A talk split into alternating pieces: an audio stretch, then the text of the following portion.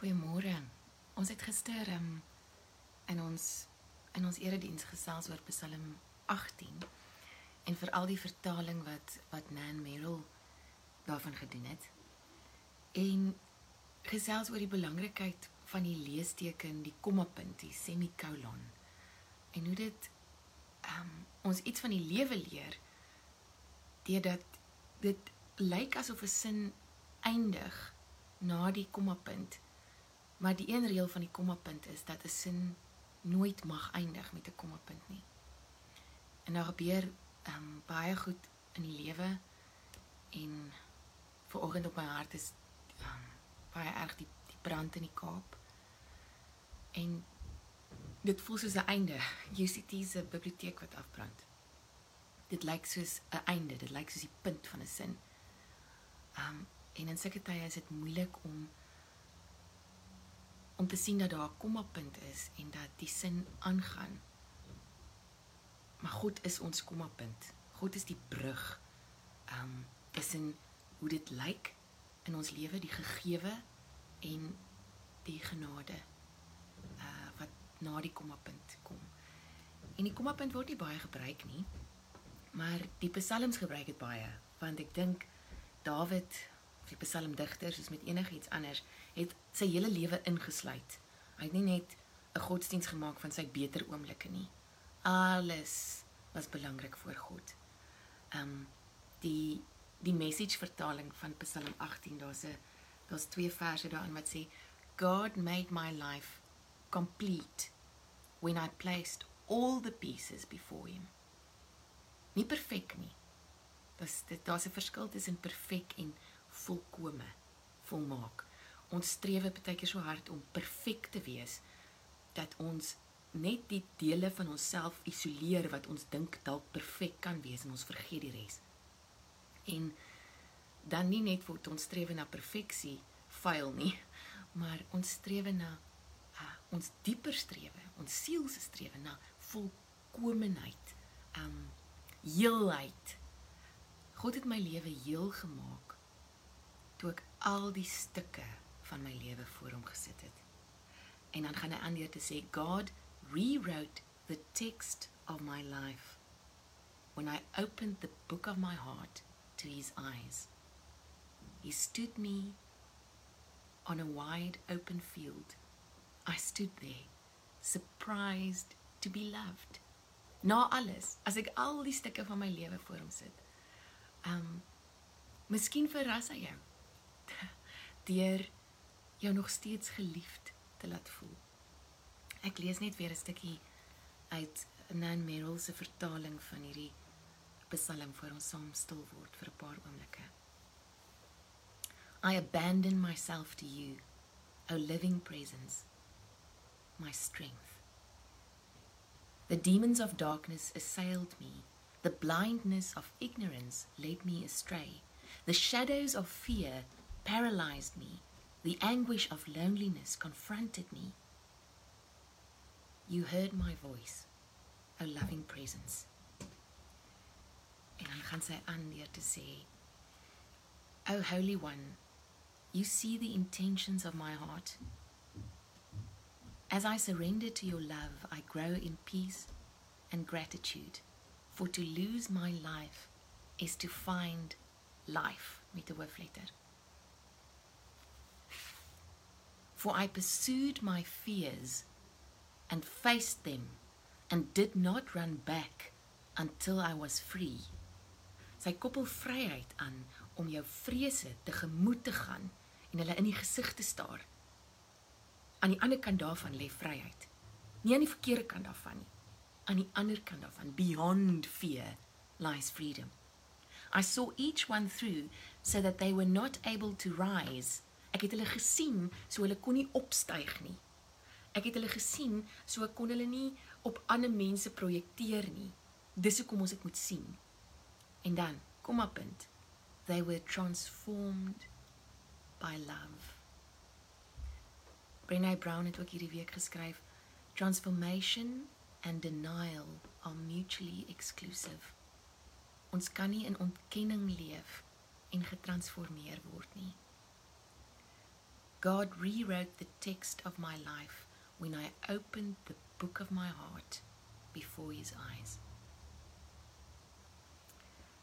Kom ons word vir 'n paar minute stil. En dan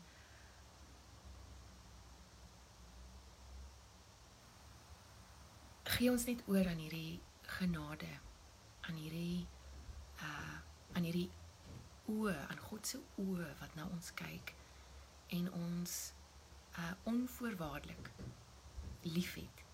Ons lewe volkome maak as ons al die stukke voor hom sit. Um though my fears rose up, soos wat dit altyd doen in stilte. As old friends being betrayed, want dis eintlik wat ons doen as ons stil word. Love brought them down. What had been weakness and weeds now turned to strength and roses. Yes, my fears were redeemed by love. Kom ons kies vir liefde en nie teen vrees nie, maar deur vrees. In in net hierdie paar minute om ons voor te berei vir die res van die dag.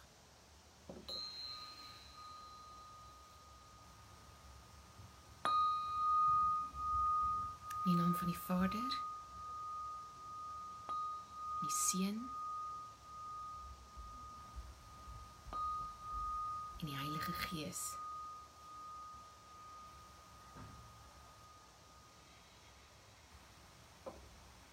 Ons asem inspan om deur ons te werk, om ons volkome te maak. Om nie ons angs op een plek te laat saamkoek nie, om nie ons vrese op een plek te laat saamkoek nie, om nie al ons gedagtes oor onsself op een plek te laat saamkoek nie. Om ons te bevry van die behoefte na perfeksie en ons heel te maak, ons volkome te maak. Kom ons gee oor aan die aan die genade binne ons gegewe vir 'n paar minute.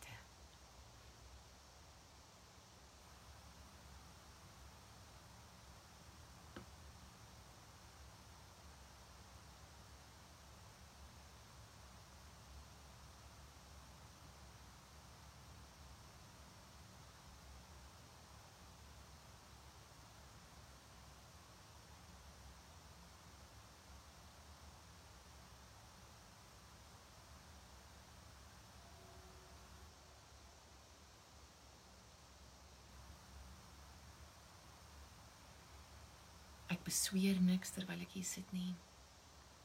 Nie my vrese nie. Nie my skade wees nie.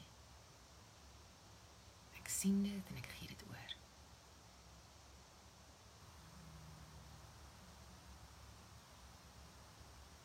My vrymaak lê nie in my hande nie. Liefde met 'n hoofletter.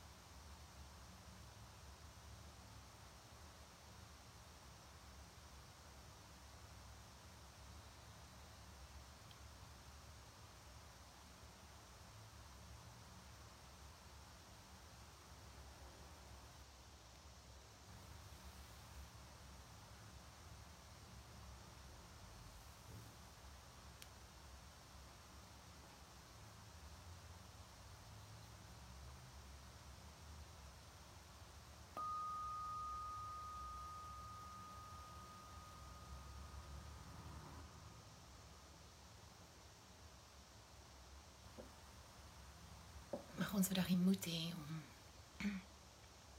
al die stukke van ons lewe voor God te sit en die openheid en nuuskierigheid hê om verras te word. Uh deurdat hy ons moet ons ontmoet met onvoorwaardelike liefde. I stood there on a wide open field surprised to be loved. God made my life complete when I put all the pieces before him. maandag vir jou.